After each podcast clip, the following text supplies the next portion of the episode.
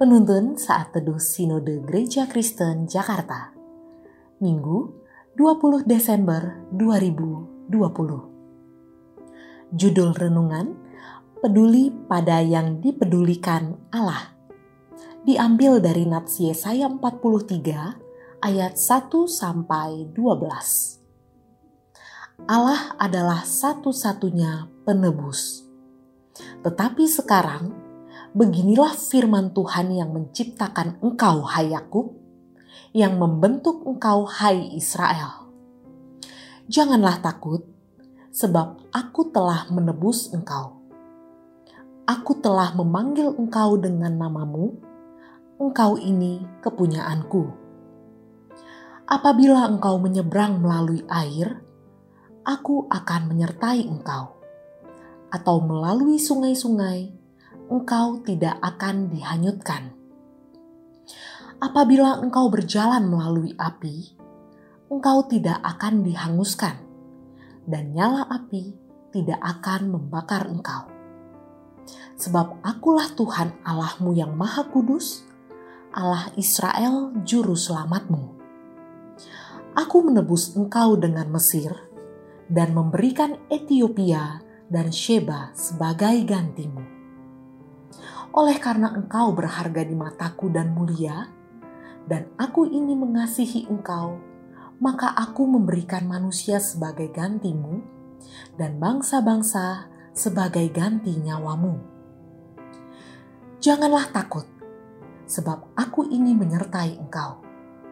Aku akan mendatangkan anak cucumu dari timur, dan aku akan menghimpun engkau dari barat Aku akan berkata kepada utara, berikanlah.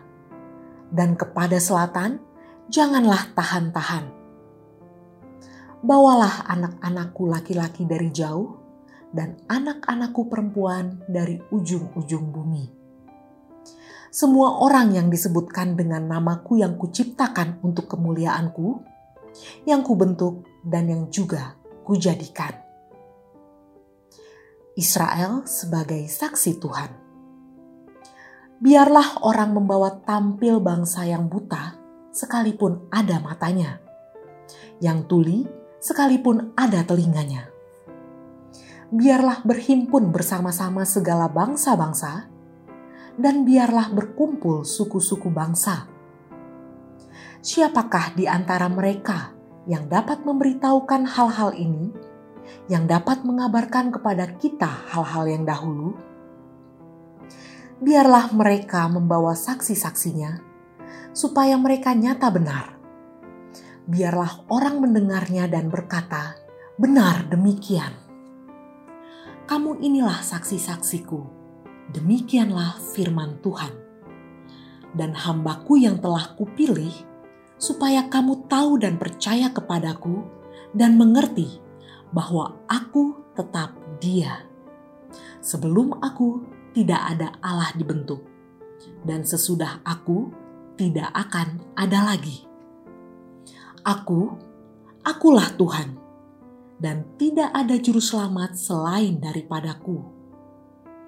Akulah yang memberitahukan, menyelamatkan, dan mengabarkan, dan bukannya Allah asing yang ada di antaramu kamulah saksi-saksiku.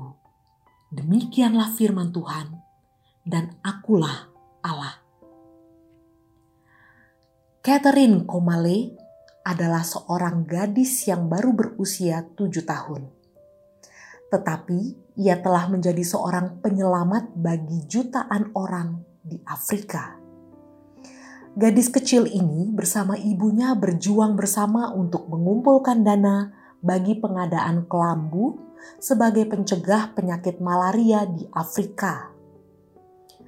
Kegiatan pencarian dana ia lakukan dengan cara menjual buku-buku bekas, mengadakan acara amal, bahkan berani mengirim surat kepada David Beckham, seorang pesepak bola terkenal, dan kepada Bill Gates, yang akhirnya menyentuh hati mereka dan menyumbangkan dana yang tidak sedikit.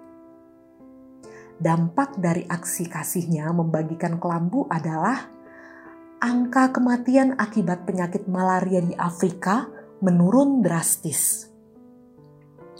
Yesaya terus menunjukkan bahwa Allah bersedia menebus dan membebaskan umatnya karena kasih karunia. Umatnya yang buta dan tuli karena selalu berbuat dosa tetap dipedulikan Allah dan tidak dibuangnya. Allah sendiri yang melakukan tindakan penyelamatan bagi umatnya, agar mereka tidak mengalami kematian kekal. Inilah kepedulian Allah yang dinyatakan Nabi Yesaya dalam setiap khotbahnya. Berita Natal bukan hanya berita tentang kepedulian Allah kepada umat manusia, tetapi berita tentang kasihnya yang menebus manusia berdosa dengan cara mengaruniakan anaknya yang tunggal. Tujuannya supaya setiap orang yang percaya kepada Yesus diselamatkan dan inilah tugas gereja untuk terus mengumandangkan berita kasih Natal sebagai wujud mempedulikan apa yang Allah pedulikan, yaitu agar banyak orang berdosa diselamatkan. Kita belum bisa memahami kepedulian Allah sebelum kepedulian Allah mengalir melalui hidup kita. Tuhan Yesus memberkati kita.